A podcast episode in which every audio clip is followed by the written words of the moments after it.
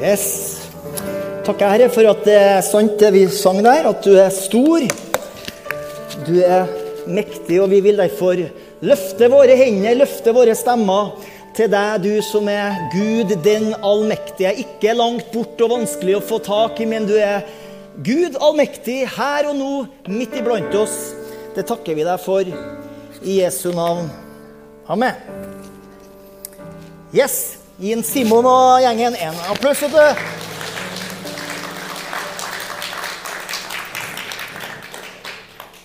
Skal vi få i gang det her? Skal vi se. Yes, det er august. Nå har ikke jeg prekt siden lenge før sommeren. Så det begynner å bygge seg opp her nå. Litt sånn eh, prekensjuk.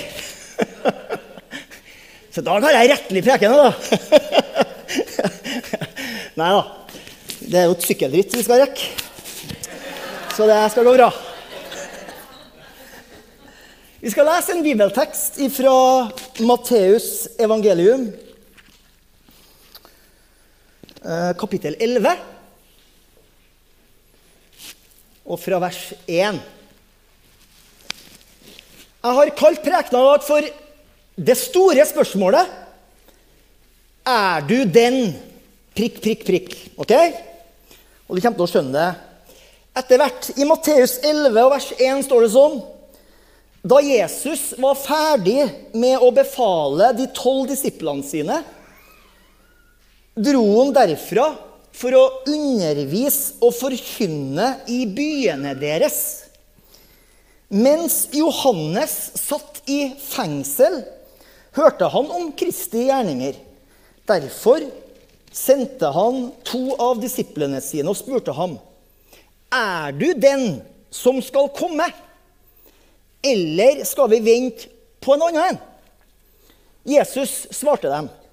Gå og fortell Johannes alt dere hører og ser. Blinde ser, lamme går, spedalske blir rensa, og døve hører. Døde blir vekka opp, og evangeliet blir forkynt for fattige. Og salig eller velsigna er den som ikke tar anstøt av meg. Herre, vi takker deg for ditt ord. Takk at du inspirerte tolleren Matteus til å skrive akkurat det her. Eh, og så ber jeg at du igjen ved Den hellige ånd blæs liv i ditt ord, Herre, og åpner det for oss, så vi skjønner noe som kommer ifra deg denne formiddagen. Vi ber om det i Jesu navn. Som kirke så holder vi på med ganske mye, og det er bra. Vi driver på med veldig mye i det bygget her. Og vi liker å snakke om våre visjoner, strategier, mål og drømmer. Men jeg tenker at i dag skal vi ikke Det er jo et nytt semester her nå, men jeg tenker vi, vi skal ikke starte her. Det vi holder på med, vet du, handler ikke først og fremst om ja, hva vi tror og hva vi ikke tror på. Men, eh, og det handler heller ikke om hva som er lov og hva som ikke er lov. Det vi holder på med, og det det egentlig handler om, det er jo en person som heter Jesus. Og i Matteus 11 det syns jeg er en veldig fin plass. Dette er en tekst som jeg har eh, likt i årevis. Jeg syns det er en veldig fin plass å starte for å besvare litt av spørsmålet, i hvert fall. da. Hvem er Jesus? Ok? Hvorfor Matteus 11? Jo, hvis du uh, fulgte med når jeg leste, så sto det i vers 1 at uh, da Jesus var ferdig med å befale skråstrek instruere de tolv disiplene. Nå var han ferdig med det. Så dro han derfra for å undervise og forkynne i byene deres. De fleste bibellærde de mener at kapittel 11 representerer et slags skifte i Jesu tjeneste. Han var ferdig med noe, og så begynner han med noe nytt. I de første ti kapitlene så har han instruert og undervist de tolv disiplene. Det er han nå ferdig med. Og fra kapittel 11 så vil du se en serie av responser fra ulike mennesker. En serie responser fra uh, ulike grupper med mennesker. Mennesker som responderer i forhold til hvem Jesus er. Og Det er jo noe vi òg driver på med hele tida. Vi driver og gir, gir respons til han vi elsker, og han vi tror på. Og det er sånn at Det er sånn at deres respons og Jesu respons på deres respons Klarte å følge med? Det, liksom, det går videre her. Deres respons og Jesu respons på deres respons det gir oss en dypere forståelse av hvem Jesus er. Jeg skal forklare. Vi har nettopp lest en dialog mellom Jesus og døperen Johannes.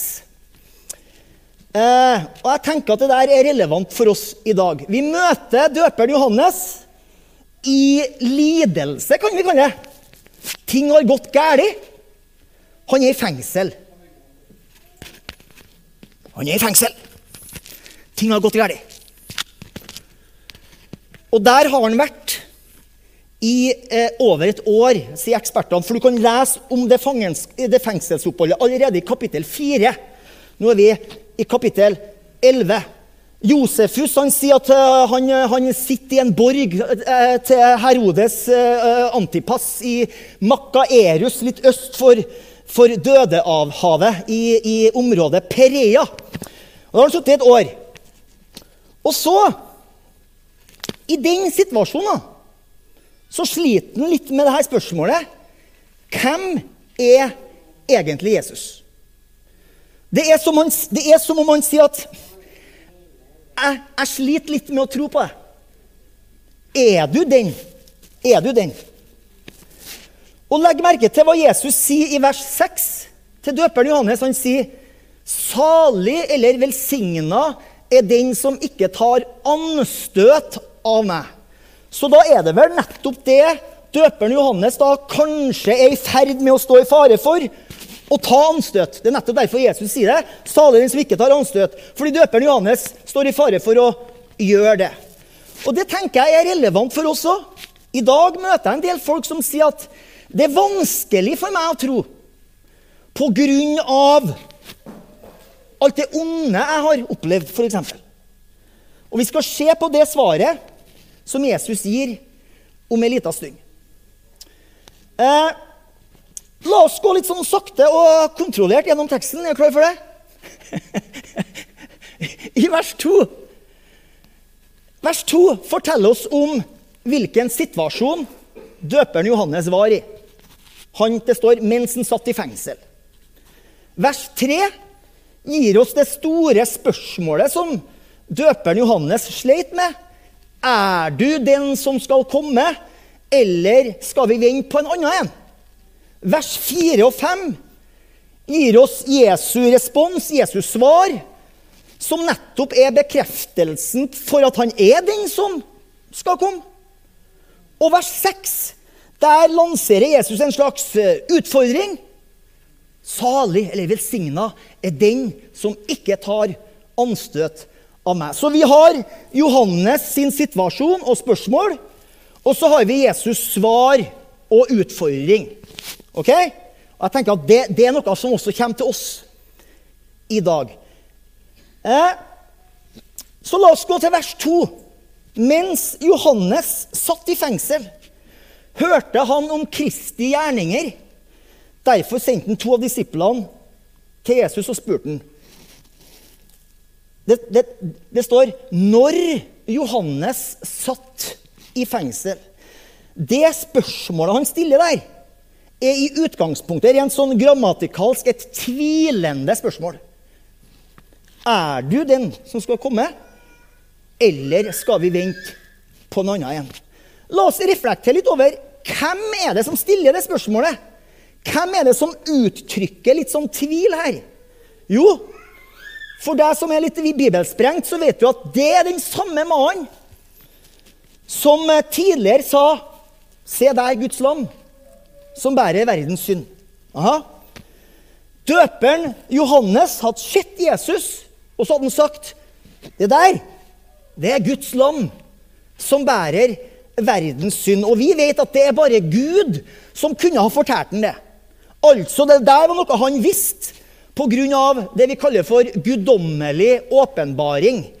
Og det er også om døperen Johannes at Jesus sier at blant dem som er født av kvinner så er det ikke stått fram noen større enn døperen Johannes. Så han er en av de største som noen gang har levd. Han var spesielt salva og utrusta av Gud med guddommelig åpenbaring til å forstå hvem Jesus var for noen. Likevel, og det er det som er overraskende, likevel, når han er i trøbbel, i fengsel, i fare for henrettelse, i mørket, så begynner han å tvile. Er du virkelig den som Hva lærer vi av det her? Jo, vi lærer av det der at hvem som helst kan tvile. Er det, er det gode eller, eller dårlige nyheter for deg? Hvem som helst kan tvile. Jeg tenker, Hvis han kunne tvile, så kan hvem som helst tvile litt på Jesus. Ok? Det forteller meg at tvil det er ikke nødvendigvis et tegn på en slags uh, dyp moralsk, åndelig defekt. Nei, nei, nei. Døperen Johannes han er en av mange store personligheter i Bibelen som uttrykker tvil. Jeg regner med du har lest Jobbs bok. Han forbanner den dagen han er født. Jeremia han forbanner den dagen han ble født. Eh, Habakuk, salmistene, salme 39, salme 88 Det er ei lang liste i Bibelen hvor folk havner i forferdelige situasjoner. Og av det uttrykker tvil. Ja, som jeg sa i sted, ja, noen av dem forbanner dagen de ble født. Så det, det de egentlig sier, er jo Jeg sliter litt med å tro på Men likevel så er de der i Bibelen. Jeg syns det er noe fint med det. For meg så styrker det Bibelen sin troverdighet. Den er rett gjennom veldig ærlig. Hadde det vært en konstruert heltehistorie, så hadde de disse tvilsøyeblikkene blitt fjerna og tatt bort.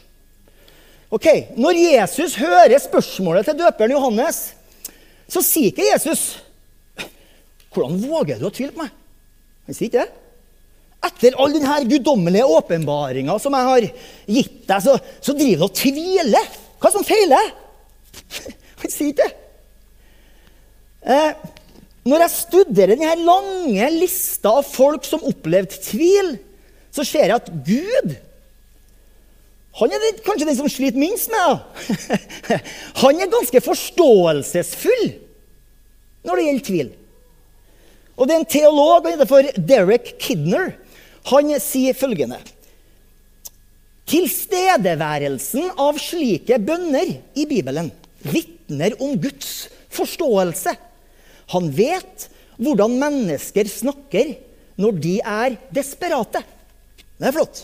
Og En annen har sagt at tilstedeværelsen av slike bønner lærer oss hva sann bønn er. Det er å bære hele livet med dets synder, sorger og sjelens mange følelser framfor Han som tåler å høre alt. Han som er min frelses Gud. Jeg håper at uh, jeg og du og, og, og, den kirka her, Betel, skal være en kirke og en menighet hvor, hvor vi kunne ha hengt en plakat ut på veien her hvor det står 'Tvilere er velkommen'. Aha. Det finnes altfor mange kirker som enten rett åpent ut eller litt sånn i det skjulte uttrykket. Når folk liksom setter ord på, på tvil, så er det sånn Hysj, må ikke snakke sånn her. Nei, nei, nei. Her må du tro. Det er ikke Jesu holdning. La oss se på Jesu sin holdning når han møter litt tvil. Han sier ikke til Johannes 'Hvordan våger du å tvile?' Det ser vi tydelig. Men det vi også ser tydelig, det er at han heller ikke sier Og det er viktig å ha med. da, Han sier heller ikke 'Å, så flott at du tviler'. Ja, ja, ja. Tro og tvil er jo to sider av samme sak. Og så begynner vi liksom å heie på tvilen. Nei, nei, nei. Det er en annen grøft. Nei, han utfordrer Johannes. Jesus, Jesus han responderer, og det kommer vi til om en liten stund. Jeg tenker at vi skal ha plass altså det, det, det her skal være en plass som forstår at det kan være vanskelig å tro. Derfor skal vi være tålmodige og milde med folk vi møter. Alle kan ha perioder av tvil.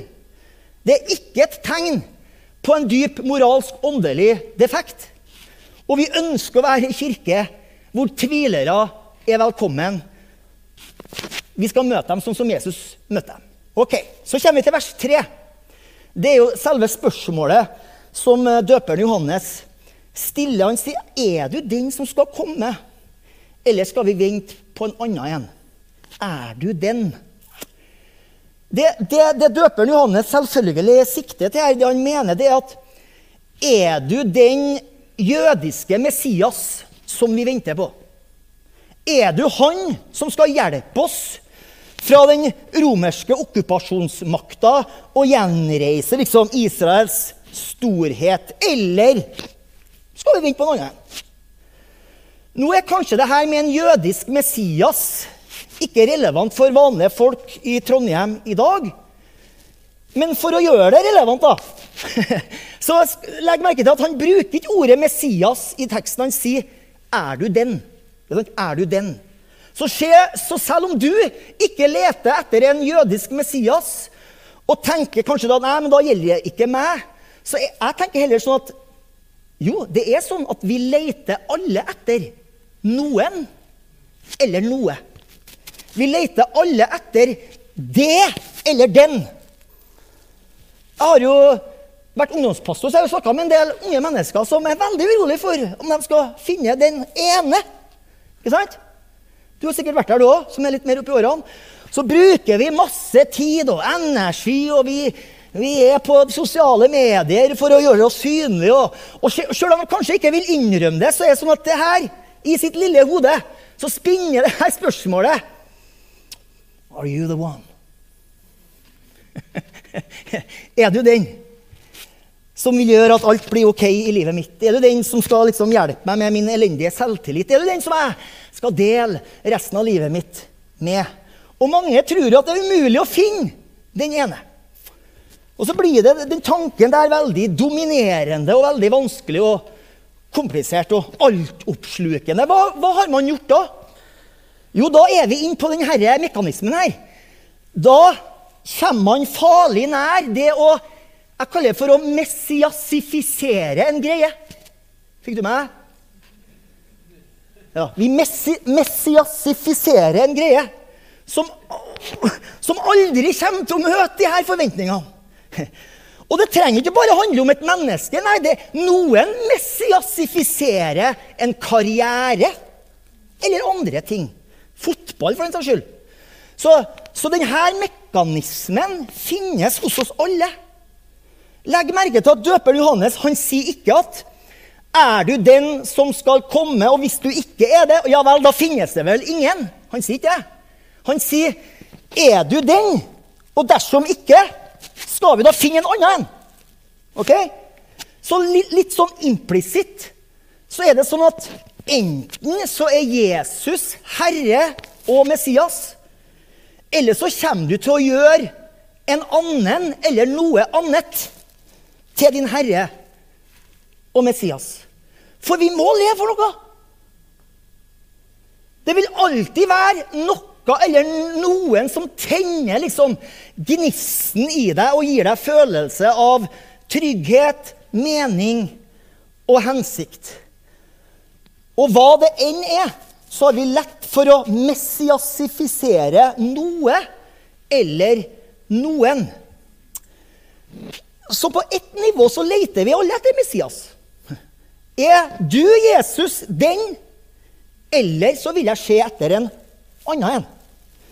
Ok, La oss fortsette med å se på hvordan Jesus responderer, og den utfordringa han gir. Han sier i vers 4.: Gå og fortell Johannes alt dere hører og ser. Blinde ser, lamme går, spedalske blir rensa, døve hører. Døde vekkes opp, og evangeliet blir forkynt for fattige. Et litt, litt sånn spesielt svar. Og for å forstå hva Jesus sikter til, så må vi se litt bak spørsmålet som Johannes stiller.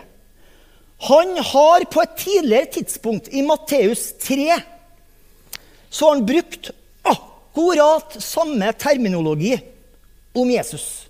Han har kalt Jesus for 'den som kommer'. Ok? Den som kommer. Og der sier han at han, eller den som kommer etter meg, er, eh, han er mektigere eller sterkere enn meg. Altså, det er en mektigere og det er en sterkere som kommer. Hvorfor bruker han den betegnelsen? Jo, jøder de hadde den forståelsen at Messias, som skulle komme, han ville være en sterk og mektig mann. Som ville omgi seg med de sterke. Fordi han skulle bringe dom. Dom over ondskapen, dom over undertrykkelsen, dom over urettferdigheten. Og den eneste måten å gjøre det på, var å være mektig og sterk. Ikke bare liksom åndelig i det skjulte, men forventningene hadde også politiske og militære føringer. Han måtte være sterk. Men det er jo tydelig at Jesus er jo ikke sånn. Jesus er jo omgitt av svake mennesker. Han bruker tid sammen med svake mennesker. Og mange mener at det er nettopp det paradokset som Johannes sliter med. Han har jo en bevissthet om seg sjøl. Jeg er en røst av en som roper i ørkenen. Jeg er en forløper for Messias. ikke sant? Jeg er din forløper, Jesus, som skal rydde veien for ditt komme. Som den sterke. ikke sant? Men nå sitter jeg i fengsel. Hvis du er Messias, og jeg er den som skal annonsere ditt komme, hvorfor sitter jeg da i fengsel?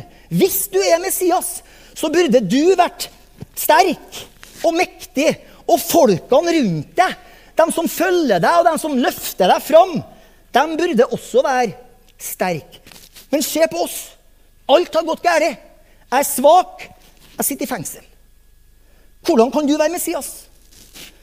Og Jesus' svar er veldig spesielt. Eh, for det første så er svaret det vi kaller for radikalt bibelsk. Rent teknisk så er det ikke et sitat fra Gamletestamentet, det han kommer fram med. Men likevel så er det som et sammendrag av Gamletestamentet. Han sier, 'Gå tilbake og fortell Johannes, jeg helbreder de blinde.' 'Jeg renser de spedalske.' 'Jeg helbreder de lamme.' 'Og jeg forkynner gode nyheter til de fattige.' Når han sier det, så er ikke det bare en oppsummering av det han har holdt på med de siste årene. Nei, det er også oppfyllelse av profetier i Det gamle testamentet. Hør hva Jesaja 35 sier. Der står det Din Gud kommer. Da blir de blindes øyne åpnet. De døves ører lukkes opp. Da skal den lamme springe som dådyret, og den stumme juble med sin tunge. Hør hva Jesaja 61 sier. Herrens ånd over meg, han har salva meg til å forkynne evangeliet for fattige. Han har sendt meg for å forbinde dem som har et nedbøyd hjerte, for å rope ut frihet for de fangne og sette de bundne fri og rope ut et nådens år fra Herren. Så i sitt svar så, så er det som om Jesus tvinger Johannes til å tenke på de her tekstene i Det gamle testamentet. Messias som kommer, han vil, vil bruke tid med de svake. Han vil gå til de blinde de lamme og til de fattige. Det er det profetene snakker om. Og Jesus du, du vet, han passer jo perfekt han, inn i mønsteret for hvordan mange av de her små redningsmennene og befrierne i, de, i Det gamle testamentet var. Tenk f.eks. på Elias og Elisha. Ja, de vekte opp døde. De helbreda syke, de rensa spedalske. De brydde seg om de fattige. Men, men ser vi på Elias, så ble han aldri ekstremt populær. Og fikk, fikk ikke så enormt mange etterfølgere. Han drev jo hele tida og flykta for livet sitt. Tenk på Josef, som redda sin familie. Men før det så ble han slengt nedi et høl. og han ble beskyldt for voldtekt. og han satt i fengsel. Tenk på David. Han flykta ut i ørkenen, gjemte seg for kong Saul, som ønska å drepe ham. Inntil Gud reiste ham opp som konge i Israel. Så, så Jesus sier at den messianske frelsen har gjennom hele Bibelen strømma ut til de svake. Og, og mine forgjengere har alltid blitt forkasta. Så i Jesus svar så kommer det fram egentlig forskjellen på verdens syn på religion og, og, og, og frelse, og Jesu eget syn på frelse.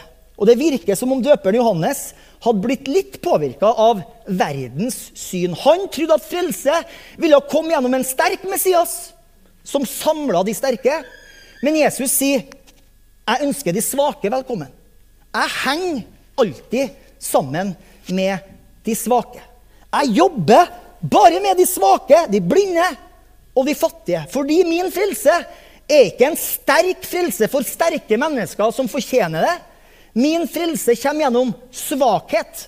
Og den er for svake mennesker som vet at de ikke fortjener det. Og ja, Jeg skal prøve å forklare det sånn at du forstår det.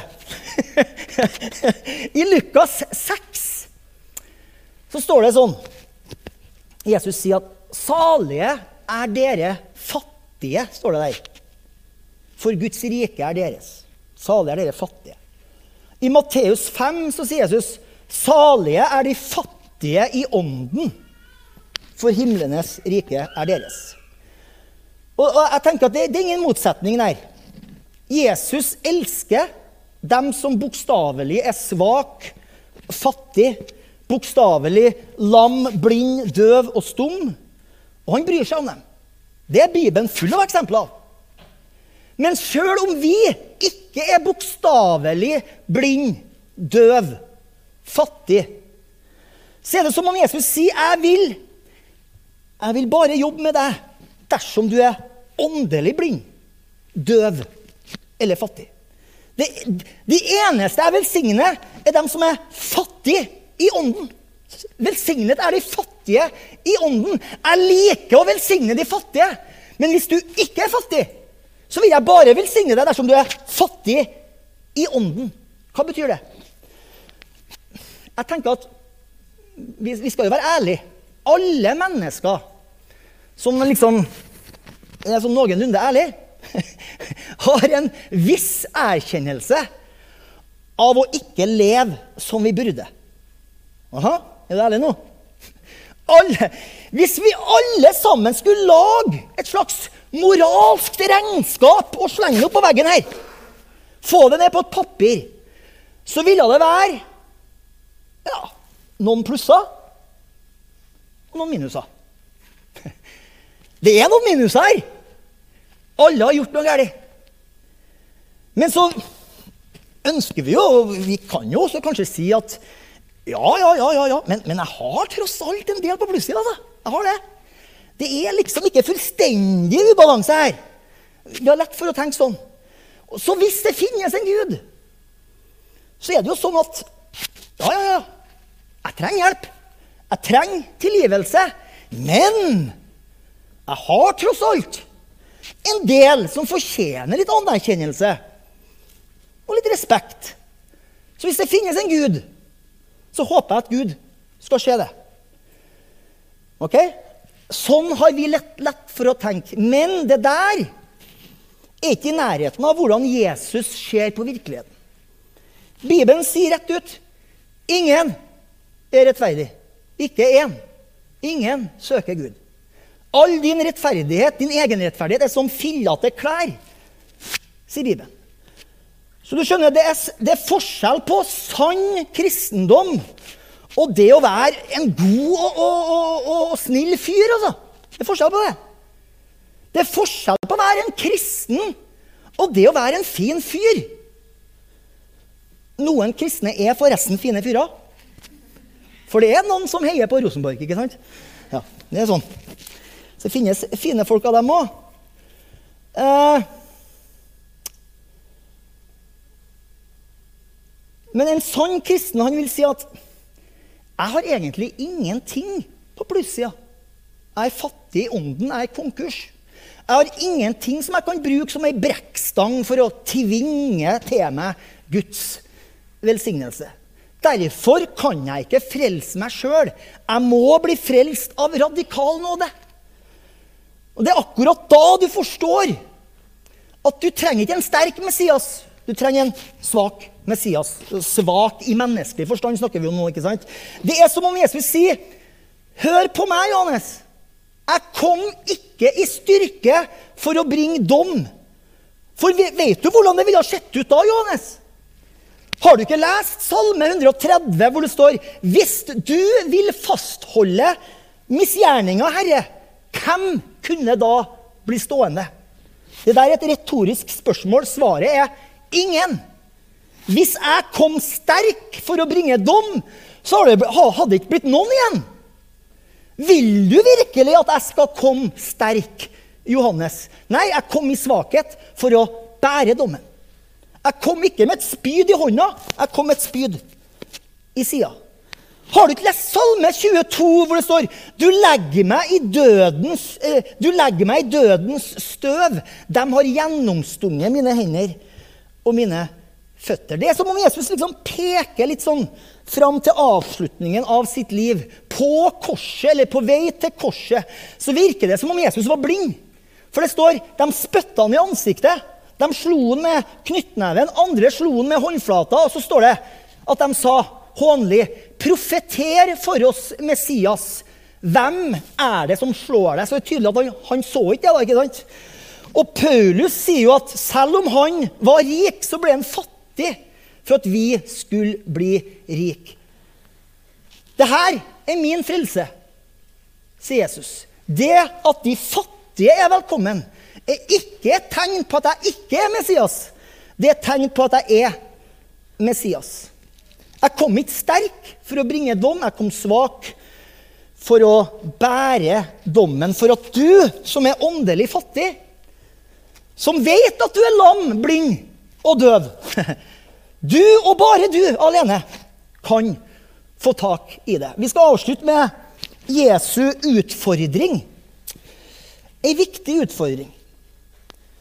For han avslutter med en litt sånn uh, spesiell setning. Han sier salige eller velsignet er den som ikke tar anstøt av meg.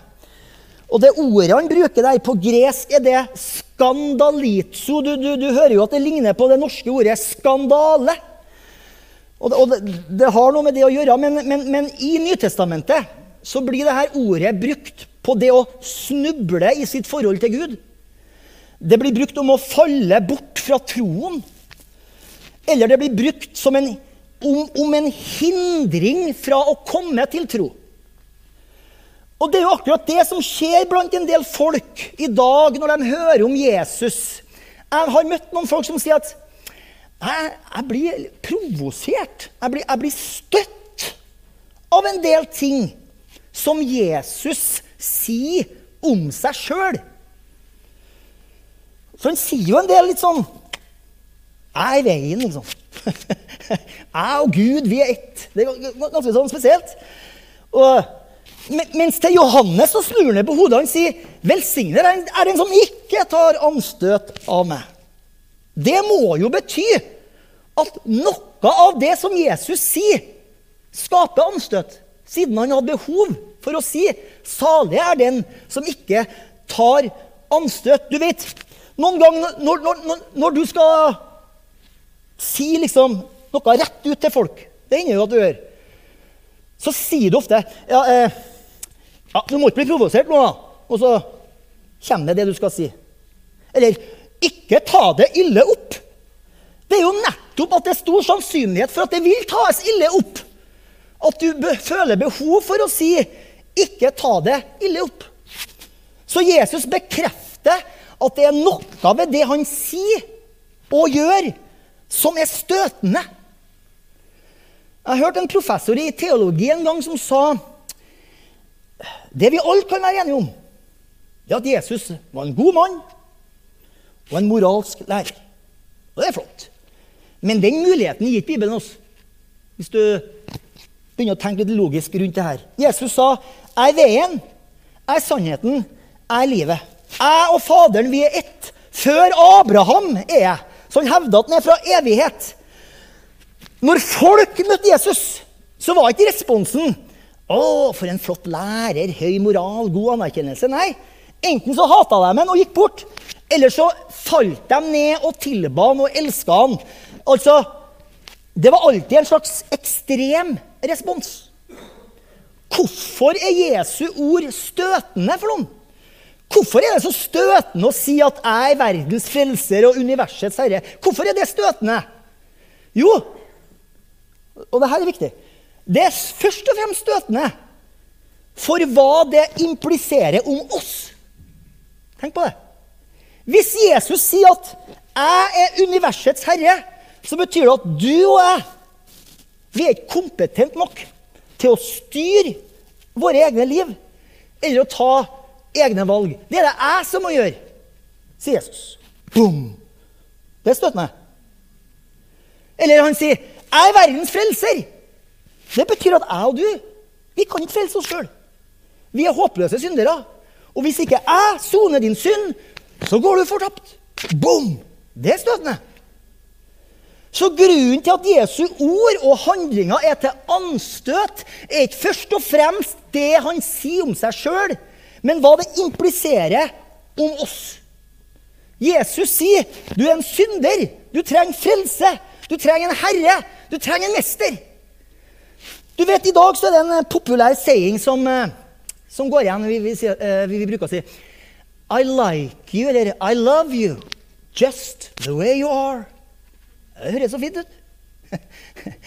og, det, og det er jo veldig mye kristen forkynnelse som prøver med all kraft å få Jesus til å bare bekrefte alt ved oss.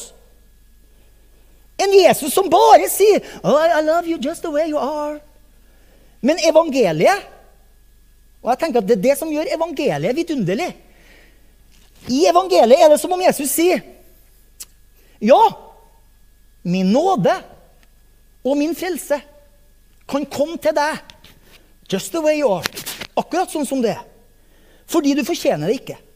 Men selv om min frelse kommer inn i ditt liv just the way you are, akkurat sånn som det er, så, så kommer det bare til folk som ikke er tilfreds med hvordan de er.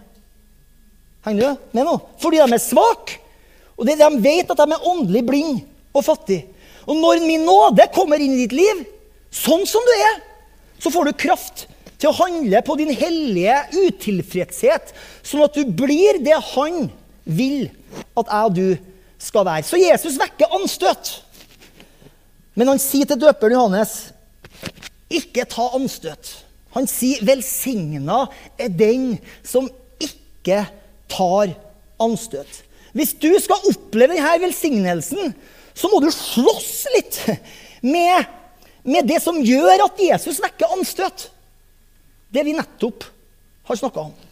Det er vanskelig for mange å innrømme at, at uh, det, det, det, er vanskelig for mange å innrømme at de er åndelig blinde og fattige.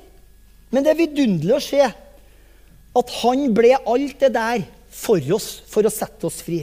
Hvis du minimerer ditt syn på din synd, så blir Jesus bare en god moralsk lærer, en vismann, som ikke forvandler deg og fyller det her tomrommet som mange går og kjenner på. Men hvis du har et stort syn på din synd, så blir Hans nåde og kraft livsforvandlende. Og det fyller deg med denne velsignelsen. Salig er den som ikke tar anstøt av meg. Skal vi be? Vi takker deg, Herre, for ditt ord som er levende. Det er virkekraftig. Jeg takker Herre for at du, du gir oss et lite glimt av hvem Jesus virkelig er, og hvordan vi skal være, Herre. Vi som skal vise Jesus for andre. Så ber jeg Herre om at du skal hjelpe oss å ta imot ordet, omfavne det, og la, det, la, la oss bli grepet av det, Herre. Jeg ber om det i Jesu Kristi navn. Amen. Hei, og takk for at du har sett på eh, en tale fra Betel Trondheim. Nå kanskje du sitter igjen med spørsmål og et behov for å snakke med noen. Da er du hjertelig velkommen til å ta kontakt med oss. Du er også hjertelig velkommen til å komme og ta del av gudstjenestene vår, eller det som skjer i ungdomsarbeidet eh, i kirka vår. Jeg tenkte at jeg hadde lyst til å avslutte med å lyse Herrens velsignelse, så vær så god, ta imot. Herren velsigne det og bevare det. Herren la sitt ansikt lyse over det og være det nådig. Herren løfte sitt åsyn på det og gi det fred.